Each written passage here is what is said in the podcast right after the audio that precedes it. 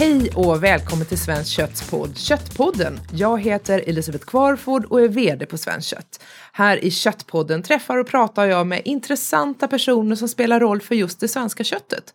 I det här avsnittet har vi med oss Fällman, Håkan Fällman, köttmästaren själv. Eller är du köttmästare Håkan? Nej. Vi kan ta återkomma till det. Det går ju inte att göra en podd om kött utan att ha med kungen av kött. Så välkommen hit Håkan. Tackar, tackar. Så vem är egentligen Håkan Fällman? Så här, vi vet nu att du inte är köttmästare alltså. Nej, jag är egentligen bara styckmästare, men från början så vart jag väldigt intresserad av det här med kött och köttkunskap. Och jag började yrkesmässigt 72, men fick mina första knivar 68. Så att eh, det har gått några liter under broarna. Hur, hur gammal var du när du fick dina första knivar? Jag var 12. Skulle du sätta knivar i en 12-årings hand idag? Absolut, men jag skulle köpa aktier i Salvekvick först. Okej. Så du, du började jobba med kött väldigt tidigt alltså? Ja, det gjorde jag. Och eh, jag var väl inget ljushuvud i skolan, det kan jag inte skryta med, men det här tyckte jag var intressant. Därför på den tiden så var det ju den gamla skolan och de gamla mästarna som hade sitt sätt. Och lite annorlunda sätt och kanske inte helt korrekt sätt alla gånger. Men de kunde kött. Mm. Och de visste vad gjorde en biff bättre än en annan biff. Du gick verkligen lärlingsstegen. Ja, jag gick hela vägen. Jag brukar säga att jag gick LHS-gymnasiet hela min uppväxt, det vill säga livets hårda skola. Och jag har väl gjort alla fel och alla rätt man kan göra i boken. Så att, eh, hade din familj köttföretag? Alltså det var därför som du kom in i det här? exakt. Min far var ju startare av restaurangkött, det gamla restaurangkött. Och det var ju- där började jag. Men sen blev jag faktiskt, redan vid 16 års ålder, så blev jag styckarlärling. Så jag har ju varit styckare, ackordstyckare i ett antal år. Och var väl ganska fullfjädrad när jag gjorde, till slut gjorde lumpen. Och efter lumpen började jag hos min far. Så att, eh, Det är mycket muskelminne med styckning, eller hur? ja, det är det. Att man liksom vet hur, liksom, hur kniven ska gå för att det ska bli bäst. Ja, men det är den här känslan man har i knivspetsen. Att eh, även om du inte ser knivspetsen så känner du var det är någonstans. Om du då bara vet var du ska börja så brukar det le- leda sig själv. Liksom. Det är ju anatomisk styckning oftast och då blir det ju så att man följer hinnor och ben och sådana här saker. Och nu var det ju grovstyckning jag höll på med då och eh, rev ner helfall så att säga, hela djurkroppar. Men sen när jag kom till pappa då blev det ju lite mera restaurang, eller vad ska man säga, eh, butiksstyckning, restaurangstyckning, färdigt för restauranger. Och det är ju lite ännu finare. Då ska man putsa lite mer och sådär så att det... Ja, nu är jag emot att putsa, men Varför är du emot att putsa? därför att kött har väldigt få smakbärare. Vad är det som gör att ett kött smakar gott och smakar bra? Det är ju alltså fett, ben, bindväv och, och eh, märg. Och de här bör man ha lite reda på när man framförallt i butik går och köper kött. Är det helt magert, utan fett, inget ben, så är det då fettfritt, benfritt, hinnfritt och smakfritt. Utan eh, man bör ha med någon utav, så många som möjligt utav de där smakbärarna. Och det är här Johan, då, min svärson, är så vass på. För han går nästan åt andra hållet. Och din svärson är alltså Johan med som Johan driver Djureskog, eh, restaurang AG och har gjort Rollkök hamburgare och- ja, för precis. McDonalds och sådär. Mm. Mjuk och timid tillbakadragen kille. Nej, vi har så himla roligt. Men eh, han är duktig. Han har verkligen anammat det där med smakbärare. Men om man ska ha mycket hinnor och så, då måste man väl eh, tillaga det lite längre va? För att liksom, det här kollagenet ska ha en möjlighet att smälta och så. Ja, det beror på vilken del av djuret man tar. Därför att jag, när jag gjorde min bok så gjorde jag en sak som var nog kanske smartare än vad jag egentligen hade tänkt mig från början. Det var att jag delade upp en djurkropp i tre delar per sida. Så att sex bitar helt enkelt. Det vill säga fram, mitten, bak. Och eh, pedagogiken i det var ju liksom att fram sitter kött som kostar en tredjedel av bakdelen. Men smakar tre gånger så mycket. Men kanske tar tre gånger så lång tid att tillaga. Och det beror på att djuret i sin tur stödjer sig mycket mer på, alltså de musklerna får jobba mycket mer. Ja, lite så. Men det är också mera muskel, eh, olika muskler. där det innehåller väldigt mycket, som jag sa, eh, fett, bindväv och, och sådana saker som eh, ger smak. Och medan bak sitter ju stekarna som ska in i ugnen i stort sett. Och i mitten så har alla grill och stekprodukter. Porterhouse, Timonstek, klubbstek. Är det samma på både nötgris och lamm? Ja, faktiskt. Sen är det ju så här att det svåra är ju nötköttet för att det är ju äldre djur. Och vi har en utvecklad bindväv som vi måste möra på något sätt. Mm. Pratar vi lamm, kalv och även gris så är de så mycket yngre vid slakt. Så att eh, där behöver man inte tänka likadant. Utan det är framförallt vuxna eh, nötdjur och för, för all del även vilt. Där är det ju lite intressant för att om man tittar på en sån detalj som till exempel högrev. Mm. Så var ju det för så 15 år sedan var ju det en väldigt billig detalj. Fortfarande billig. En högrevskärna den innehåller ungefär 3 till 4 entrecôteskivor. Av den enkla anledningen att när man parterar ett helt djur, nötkött, så tar man en gång på längden och en gång på mitten. Och på den tiden när jag började, det var strax efter Vasa sjönk, då bar man en kvarts ko. För det var vad man orkade? Det var vad man orkade, mm. ja. Det kunde ligga på mellan 120 och 160 kilo på axeln. Och sen gick man ner i typ Östermalmshallen och hängde upp det på en krok. Och då behövde varje del väga lika mycket. Men anatomiskt så är det inte helt korrekt. Det är därför vi har högrevskärnan som ofta är både godare och mörare än själva entrecôten. Mm. Du tycker egentligen att den borde höra till Den till borde nästan höra till entrecoten. Men å andra sidan så förstör du högreven. Ja. Så att eh, köp en bra marmorerad, lite stum högrev och skär ut högrevskärnan och lägg på grillen. Mm. Vilken är din favoritdetalj? Ja, det är nog grillad entrecote. Sen kan jag tycka om väldigt många andra detaljer också. Eh, oxkind till exempel. Och eh, det finns ju många detaljer som kanske är lite svårlagade men eh, ah, ska man göra enkelt, lätt och ha folkets eh, jubel så är det ju grillad entrecote. Mm. Men sen är ju jag sådär så att jag grillar ju, när jag grillar, då tar man upp beställningar bland alla gäster. Och när jag då bodde i villa och hade grillningar så kom, man kanske bjöd sex eller åtta personer, det kom tio. Därför att Fällman grillade. Då gick man runt med handduken lite norsigt, en släng så här. Och frågade hur de ville ha den. Och tog upp beställningarna. Och de ville ha den rare, medium rare eller destroyed. Som jag kallar det. Och alla beställde hej vilt. Och så grillade jag allihop likadant. Och alla var lika nöjda. För det var ju du som hade grillat och du är Precis. experten.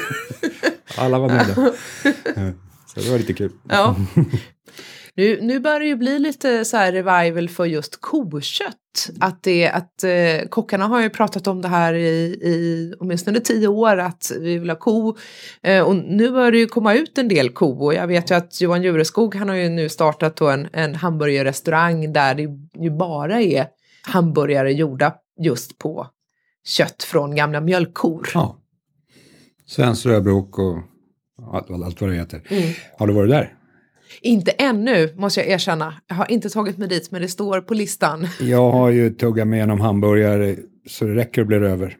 Den är fantastisk. Ja. Stekt alla minut, nygrillat och färdigt. Den är verkligen bra. Mm. Är det sånt där ställe som man slinker in på ja. eller? Ja. Absolut. In och ut. Mm. Och fort går det. Vi kan väl ha en hälsning till en grupp på Facebook som heter Köttkoma. 20 000 köttentusiaster eh, diskuterar både köttkvalitet och lägger upp rätter och får tips och, okay. och är taskiga mot varandra ibland. Men det finns jätteduktiga eh, administratörer där som är så här att här håller vi god ton och, och ingen ska säga att någons rätt är ful. Nej, precis. Nej, det måste jag gå in och titta på. Jag har, bara, jag har hört den men jag har inte sett den. Nej, men det är ganska roligt. Det är verkligen så här entusiasm. Ja. Där. Jag är inte så här jättemycket ute på sociala medier. Nej, men det är lite kul just det att, att, att det finns också ett, ett otroligt intresse som jag inte tycker, liksom så här för tio år sedan var inte intresset alls så stort på det, på det sättet som, som det har blivit nu. Det har blivit mycket bredare. Ja, men jag tror att det är ungdomar, om vi säger så här, 50-talist, jag är 50-talist eh, och eh, 60 och 70-talist, de kan vi glömma. Det, liksom, det, går inte att lära en gammal hund med bäckenuppluckring att sitta, som jag brukar säga. Det, det, satsa på 80, 90 och 2000-talet. Ungdomarna som faktiskt kommer ihåg hur mormors eller farmors gryta smakade och gillar det här med att försöka laga lite mat. Jag tycker det kommer mer och mer och jag får många, många frågor på min mail så att säga. Mm. Och jag åker runt och håller väldigt mycket föredrag och utbildning. Då får man alltid en massa, massa frågor efteråt. Och det, det finns ett enormt vetgirighet och, och eh, kunskapstörst. Och det är många som jag har kontakt med som verkligen frågar och hör av sig. Och jag tycker det är jättekul. Det är att synd intre- att det samtidigt är en sån brist på styckare då. Ja, men Det är en annan sak. det är en att vara annan vara styck, fritidsintresserad och lägga sitt, styckare sin inget karriär. yrke, det är ett straff, jag på att säga. Nej, det, det, det är ett tungt jobb. Mm. Nu var jag med på den gamla goda tiden när allting var ackord dessutom. Då skulle man vara så snabb som möjligt. Ja. För att inte sabba ackordet för sina kamrater också. Mm. Så att eh, jag lyckades faktiskt ta mig in 100% på ackordet när jag var 17. Och det var nog det tidigaste någon hade sett. Men det kostade stygn kan jag säga. Jaha, du skar dig. Jaha, Ja. finns ingenstans jag inte har skurit mig. Var skyddsutrustningen annorlunda då mot idag? Är den bättre idag? Den är bättre idag. Men eh, man hade då såna här stålhandskar, men kötten var så otroligt kalla. Och eh, de här stålhandskarna, och så hade jag en stålbrynja. Mm. Så att visst hade man eh, den ibland, men ibland så blir det helt enkelt för kallt. Och eh, det var många av mina kompisar som redan vid 35-40 års ålder fick reumatiskt utav Aha. kylan från Ja. eh, stålhandsken. Men nu finns det ju smidigare grejer. Mm. Så att det har blivit bättre. Men du tog över din pappas firma sen? Nej, jag jobbade hos pappa i 8-9 år, men vi kom... Far och son är inte alltid sådär på banan med varandra, utan det slutade med att jag eh, slutade. Mm. Och helt enkelt startade ett litet bolag som hette Restaurangstyckena. Och din pappas hette? Restaurangkött. Okej. Hyggligt plagierat, Mm. men ändå. Men sen körde vi det där, jag och min kom- dåvarande kompanjon, och eh, det gick väldigt bra. Därför att mitt namn var ju rätt känt där ute i restaurangvärlden. Mm. Men sen tog det inte så lång stund så var pappa och jag sams igen. Och eh, sen när han ville sälja restaurangkött, det var inte så att jag tog över det. Vi köpte det från öppna marknaden. Sen körde vi det. Sen eh, hoppade jag av restaurangkött och eh, startade Fällmans kött. Samtidigt med Ekofisk. Och eh, där fick jag göra precis det jag ville. Mm. Och försöka rädda svenskt hantverk och försöka få fram de gamla produkterna, det gamla sättet att sortera, att eh, klassificera och tänka. Och vara liksom inte bara en leverantör utan verkligen vara en samarbetspartner till restauranger och krogar. Det var en tuff skola för många som började där, det måste jag säga. Men alla mina gamla anställda har jag fortfarande kontakt med. Helt otroligt. Så att det, det blev ju ganska omtalat så att säga. Mm. Och det finns ju kvar, Fällmans kött. Fast Men, det, men jag tror att folk blir överraskade ibland när de hör talas om Fällmanskött så tror de att du fortfarande Ja. basar över det. Det är ganska många år sedan jag klev av. Men det är förknippat på något sätt. Men det är, Mm. det är väl inte så himla konstigt i och för sig. Nej. Men samtidigt som jag då drev Fällmans kött så har jag alltid, och det vet du, agiterat för hur vi ska hantera och hur vi ska välja, hantera, tillaga, sortera och framförallt eh, djurens välfärd. Mm. Med hantering och stress och slaktmetod och foder och uppfödning och alltihopa det här. Jag har ju slagits för det här något så fruktansvärt så att till slut så ringde de, eh, fick jag åka till Skottland. De ville lära, oss, lära sig hur nötköttet skulle se ut, och detaljerna. Och sen började jag röra runt i Skottland ganska rejält. Och det vart ju rätt många resor. Och det var ju då jag hittade de skotska lammen som är helt fantastiska. Och jag har ju jobbat stenhårt för Skottland. Och eh, för de gör så mycket eh, rätt. Och vad är det som de gör rätt då? Det är uppfödningstekniken, det är rasblandningen, det är inriktning på köttkvalitet, alltså ätkvalitet. Och sorterar och verkligen eh, jobbar med avel. Eh, frigående bete, inte för långt till slakteriet. Många ställen så tog bonden helt enkelt och gick dit med sina djur. Och de fick vila och de fick stressa av, de fick luft, vatten och lite bete. Och sen när de alla har stressat av och lugnat ner sig, då börjar man sakta för, föra in dem för slakt. På ett mycket, mycket briljant sätt. Så det slutade med att jag faktiskt blev, det kanske, det har ni sett, ambassadör för skotsk skotsk kött. Så att, eh, och jag har fortfarande kontakt med Skottland fast jag nästan till har börjat småpensionera mig lite grann. Men du gav ut en bok för, när var det? 2009. 2009. Som just hette Kött. Ja, välja, hantera, tillaga. Och det var ju en enorm dörröppnare. Och, eh, Det var en stor köttvåg då också.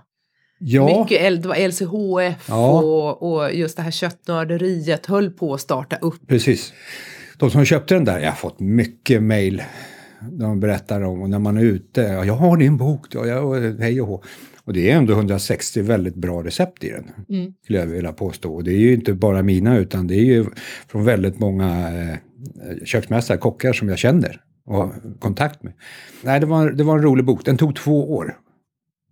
Därför att jag designade den, jag med hjälp av proffsfotograf fotograferade alla bilder och jag skrev all text. Det hade inte ditt 16-åriga jag trott. Nej. Att du skulle ge ut en bok. Var framförallt inte min pappa. Jag var ju bara en slyngel. Men eh, tyckte han, nej han var stolt över det där. Och den blev ju ganska tidigt ett eh, lexikon nästan. Och säljer fortfarande. Och eh, det här är inte så mycket av alla de här nya styckningsdetaljerna.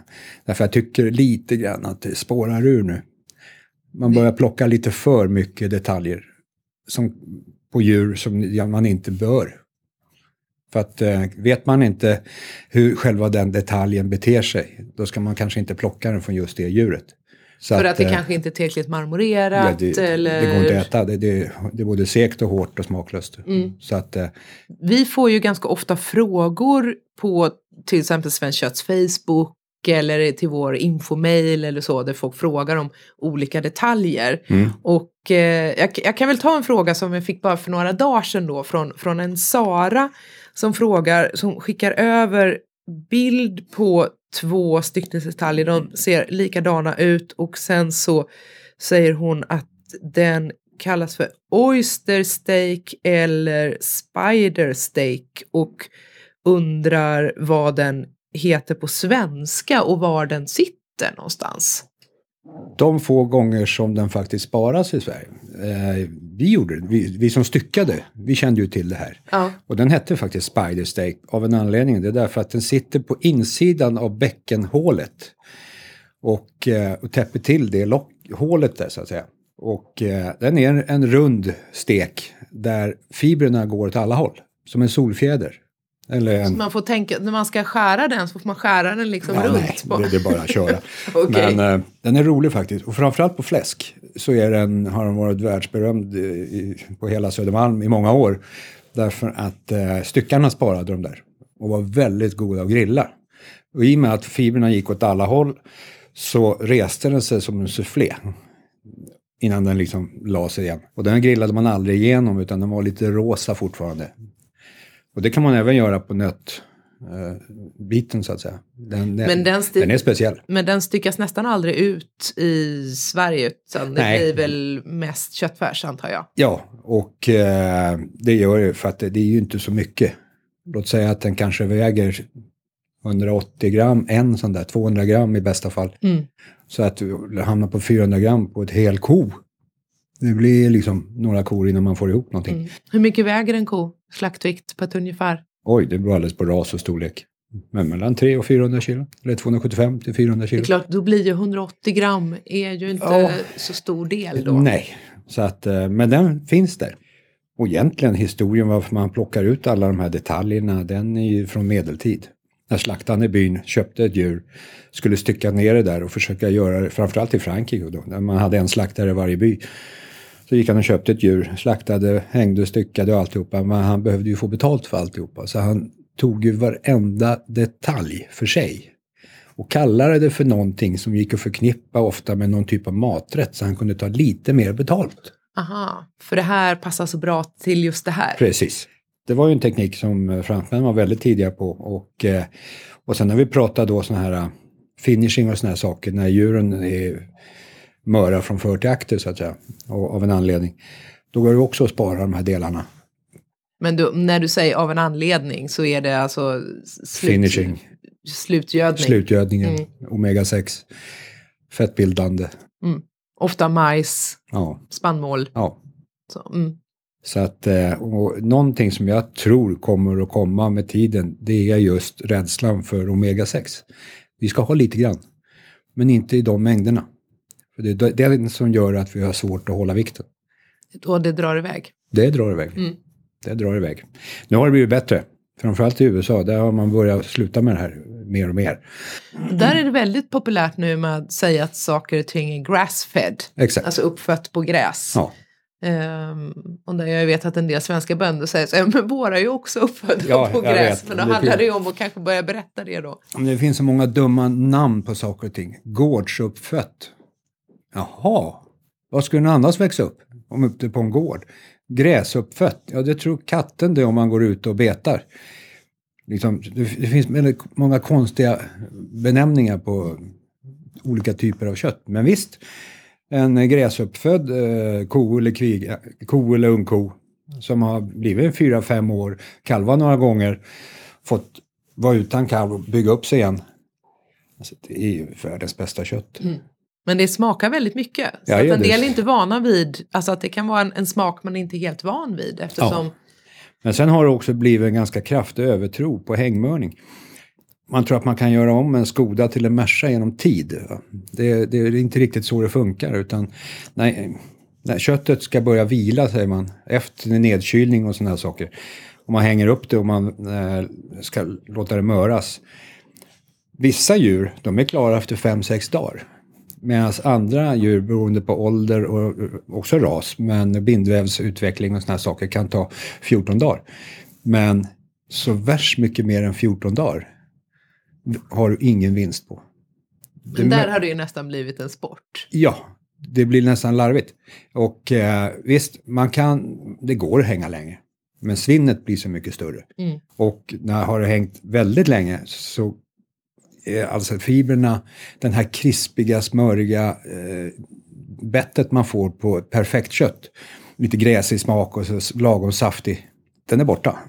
Och så blir det som en leverpastej. Och det smakar nästan lite metall, nästan lite Men det är ju många kockar liksom som pratar om liksom den där goda kadaversmaken. Ja, jag vet. Det Men, men det är kanske när man drar någonting till sin spets Ja. just och, och utvecklar en smak för det. Och, Ja, och men så. det- men det, det- kanske inte var vad den vanliga konsumenten direkt är ute efter. nej. Men jag vill ändå varna folk som ska hänga kött att eh, begränsa tiden. Mm. Man ser på ett kött när det är färdigt. För början är det som sågat i trä. Snittytorna. Rakt skuret så här. Över en natt så ser man hur hela köttet börjar hänga. Det börjar vila. Och det börjar öppna sig i hinnorna i överkant och sådana saker. Då är det klart. Ja, man ser det från en dag till en annan. Ja, alltså. ja, det går över en natt. När det väl släpper, när det väl börjar vila, så går det över en natt. Vad tycker du om bäckenhängning då? Den är kanon för vissa detaljer. Mm. Okej, Men den är utrymmeskrävande och har kostat många framtänder. Kan- Du kan väl beskriva lite, vad är bäckenhängning egentligen? Det låter ju lite bisarrt men om man tar insidan av bäckenet, så där jag sa att den här spiderstaken sitter, Mm. där är det ett hål som går in i, i lå- lårklumpen. Om man sätter kroken där istället så faller bakbenet ner. För hänger man i hälsenan så får du väldigt rak sträckning på eh, själva muskulaturen. Och det trycker ihop innanlår, rostbiff och den första delen, det vill säga porterhouse-delen på biffen. Och man får korta fibrer. Och egentligen så hänger man ju för att man vill ha långa fibrer. Mm. Och släpper man ner då, alltså så rakt bak, ba, bakben som den hänger där, det är ju egentligen bara valpar och kattungar som klarar. Utan eh, sätter man då i den här eh, bäckenhålan, då faller bakbenet ner. och så sköter tyngdlagen. Så sköter tyngdlagen att man sträcker ut innanlår, rostbiff och porterhouse, det vill säga T-bone-delen. Och det är väl egentligen de som eh, blir bäst utav det här.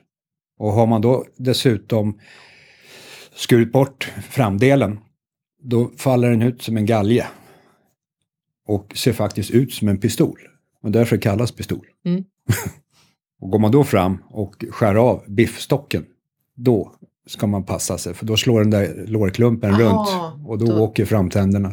Okej. Så att eh, det är ingen lek att hålla på med det. Hade Fällman kött något särskilt avtal med någon tandläkare? Så? Nej, alltså vi hängmörade ju inte hela djurkroppar. Vi köpte ju finbitar. Vi hängde ju egentligen bara Rolls Royce. Alltså det, det absolut bästa jag kunde hitta i så stora bitar som möjligt. En del lårklumpar, pistoler, dubblar, stockar, entrecôterevar, högrev med ben, rostbiff med ben. Sådana här saker som vi häng, hängde ordentligt. Sen allt det andra, det kokkött och sådana här saker. Det, det, alltså, hängmörning är ett sätt. Det finns ju fler sätt att möra. Du har ju vakuummörning också. Mm. Och det är exakt samma grej. Enda skillnaden är att hängmörning dunstar vätskan av. Medan vakuummörning så har du vätskan kvar i påsen. Men det är, det är samma kemiska reaktion med enzymer, proteiner och alltihopa det här. Så att det kan vara väldigt svårt att avgöra vilket som är hängmörat och vilket som är vakuummörat. Det, Det finns ju en del som säger att det blir en viss syrlighet. kan bli, ja. Och det har ju att göra med pH. Ja. Alltså, det där har blivit mycket bättre, framförallt i Sverige, där vi har lärt oss att kanske slakta lite lugnare och de får vila lite innan slakt och såna här saker och komma ner i varv. Jag har kämpat väldigt mycket med svenska slakterier, just det här med att få, låta djuret vila, varva ner, skaka av sig och få bort mjölksyran efter transport och här saker. Så det har blivit mycket bättre. Men jag vill också rätta till en annan sak. Det är det här med att, eh, nu var det länge sedan jag såg det, att man skriver att det var långa transporter, flera timmar. Det är inte problemet.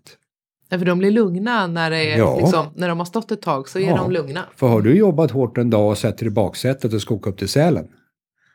Hur lång tid tar det innan du börjar nicka till det?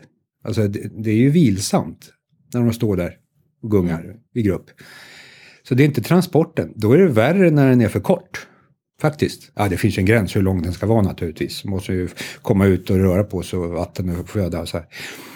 Men livdjurstransport är in, inte eh, problemet, utan det är när det är för kort. Och också om djuret har blivit transporterat tidigare för att då känner den sig Ja. också mycket lugnare. Ja, om precis. den har blivit fraktad från någon hage till en annan Ja. eller något sånt där. Så, Så att eh, jag har hört grisar skrika när det tog en kvart från gården till slakteriet. När jag har stoppat bilen och skickat ut den på gatan igen. Kom tillbaka som en timme. ja, jag tar, kör, till, kör tills de är lite lugnare. Ja. Kör tills det är tyst. Mm. Att eh, det, och grisar är känsligast, faktiskt. Men, eh, men jag vet när, vi höll på med då de här uh, vårlammen som vi hö- höll på med eh, i många, många år. Och eh, där tränade vi om. Vi, så vi hade ju matats i ett, ett släp på vissa gårdar. Så att när lastbilen kom och skulle lasta lammen, han, har ni inte samlat ihop dem? Nej. Öppnat bakdörrarna. Kasta ut den där jävla lämmen som de ska springa upp på. Inget staket, ingenting. Det enda vi gjorde det var att rassla med havret i en hink. Och har vi 140 lamm bara, boing, vänder sig så här och bara tokspringer rätt upp i lastbilen. För de var vana att få mat där inne. Mm. Det tog inte fem minuter att lasta dem där. Så att man kan ju inte träna dem. Det är lite det som jag har hört också om till exempel som med, med kravuppfödning och, och så att det kan vara viktigt att djuren har fått träna på att transporteras. Ja. För annars så... Men transporteras är en sak. Men hanteras. Mm. hanteras. Alltså de måste ju vara vana vid beröring. De måste tränas att någon vill att de ska gå till vänster när de själva har tänkt gå till höger. Att man tar på dem, att de inte är beröringsskygga. Jag menar inte att det är inte Walt Disney vi pratar om, men eh, man kan träna dem till vad som komma skall. Och slakt går aldrig att göra vackert, men det går att göra humant Mm. och riktigt. Så att eh, en liten handpåläggning, en liten klapp, bara så att de känner igen en, då, då går allting mycket, mycket lättare. Om du själv går ut i butik och ska handla en bit kött, nu antar jag att du är, väldigt kräsen, men om du skulle gå fram till en köttdisk och titta ner där på, på det vakuumpackade köttet som ligger där, vad är det du kikar efter då? Jag tittar framförallt på eh, marmorering.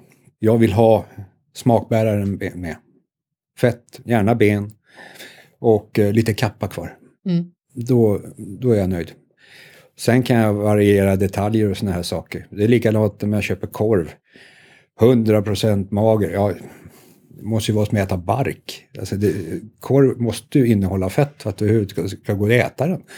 Så att det, det blev ju en hysteri på att det skulle vara så magert ett tag.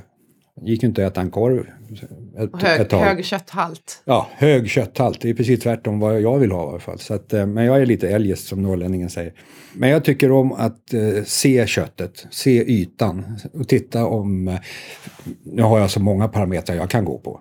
I och med att jag har 100 år i det här. Men eh, om man börjar med att titta så att det är någon form av insprängt fett. Någon form, det behöver inte vara jättemycket, men någon form av marmorering.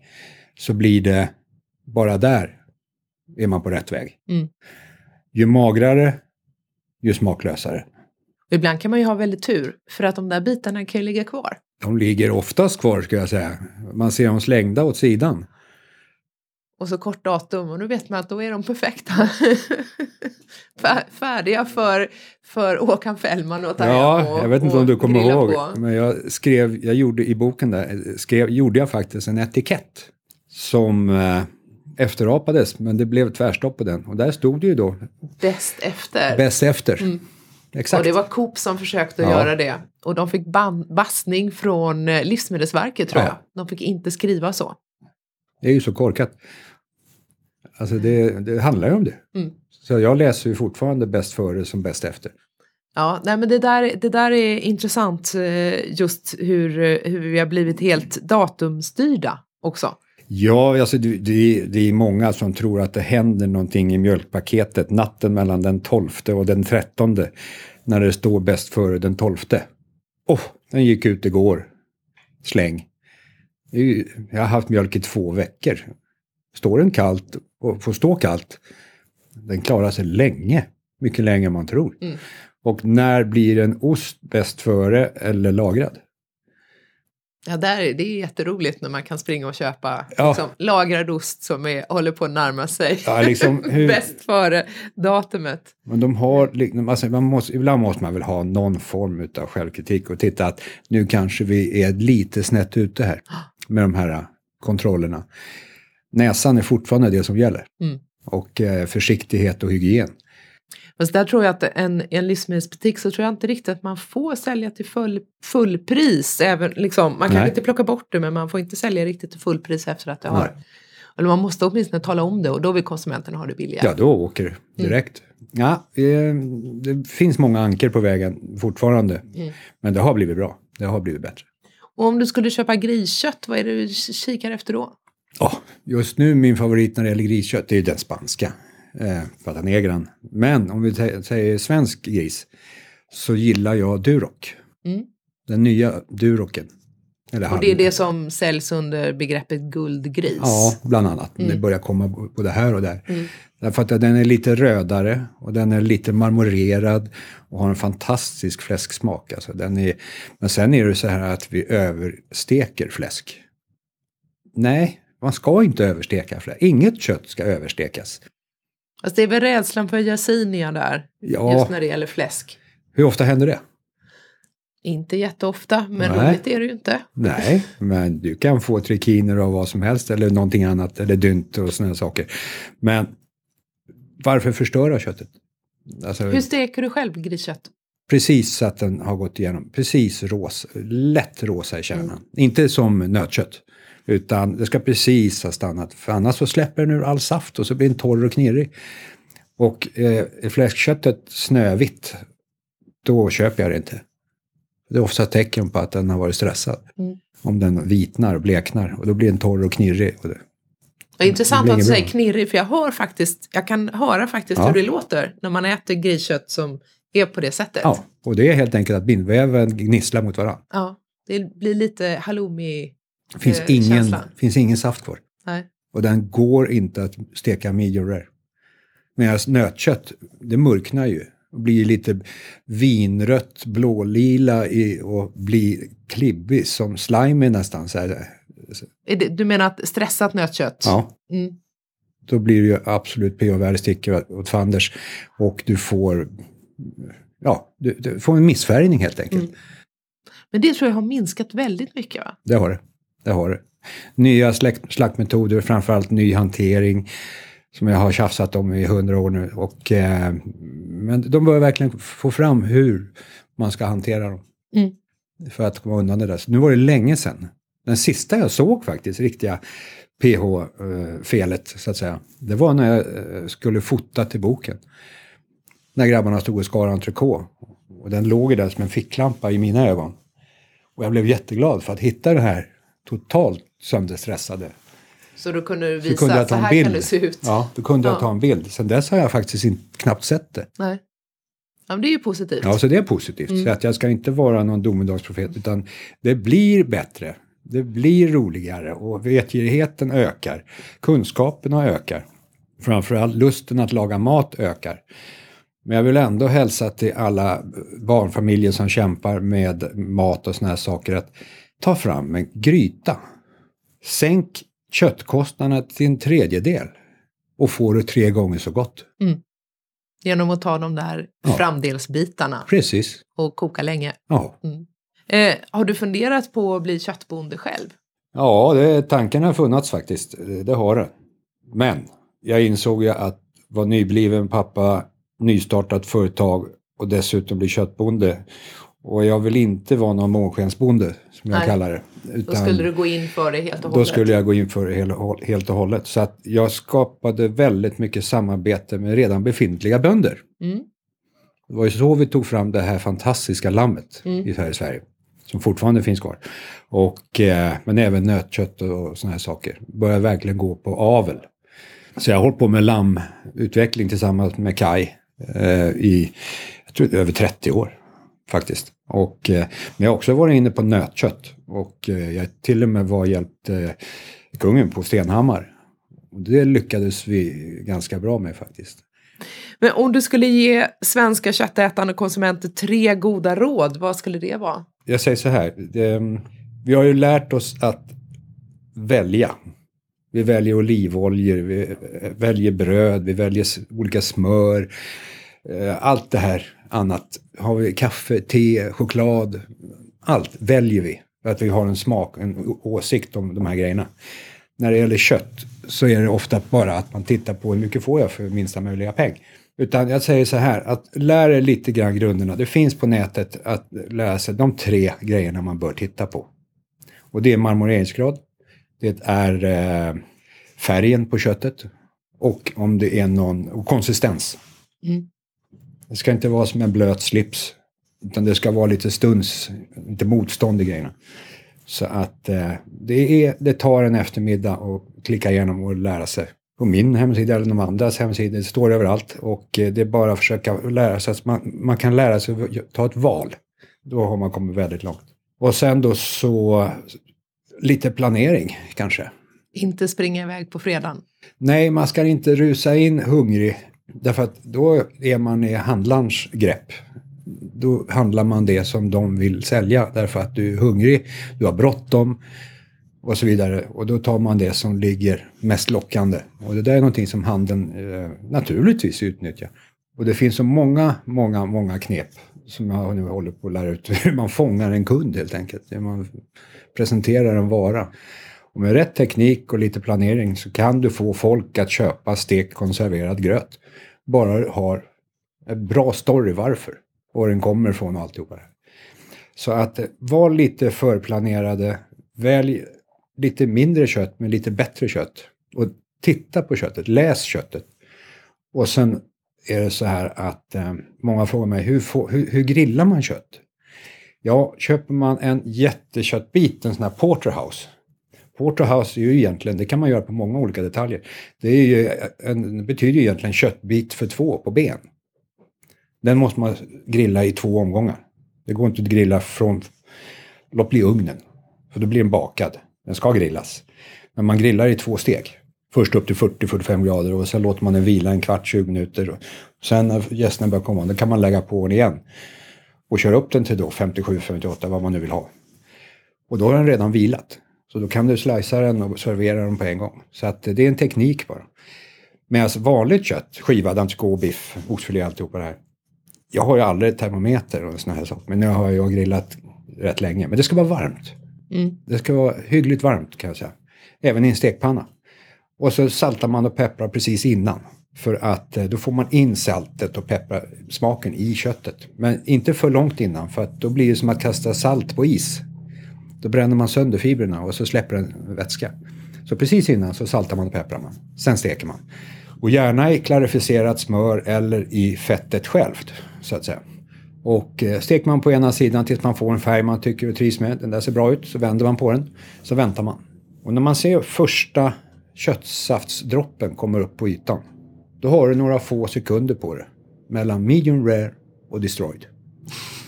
Börjar du leta efter en tallrik då, då är du av banan. Utan då ska den av. Mm. Och vila.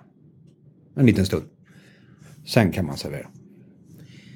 Det var allt för idag. Idag har vi fått lära oss otroligt mycket om olika köttsorter och eh, fått veta att det finns något som heter spindelstek, även om det, vi nog inte direkt kommer att hitta det ute i butiken. Men också lite om vad man ska tänka på när man går in och handlar. Man ska vara ute i god tid och läsa köttet och eh, som sagt Ge dig tid och lära dig mer. Det kan du göra antingen på Svenskt Kötts hemsida eller på Håkan Fällmans hemsida. Eh, och Eh, synpunkter och tips på Köttpodden tar vi gärna emot där vi finns på sociala medier, Twitter, Facebook, Instagram. Tyckte du om Köttpodden så sätt gärna ett betyg eller skriv en recension på iTunes eller där du hittar oss. Vi hörs snart igen.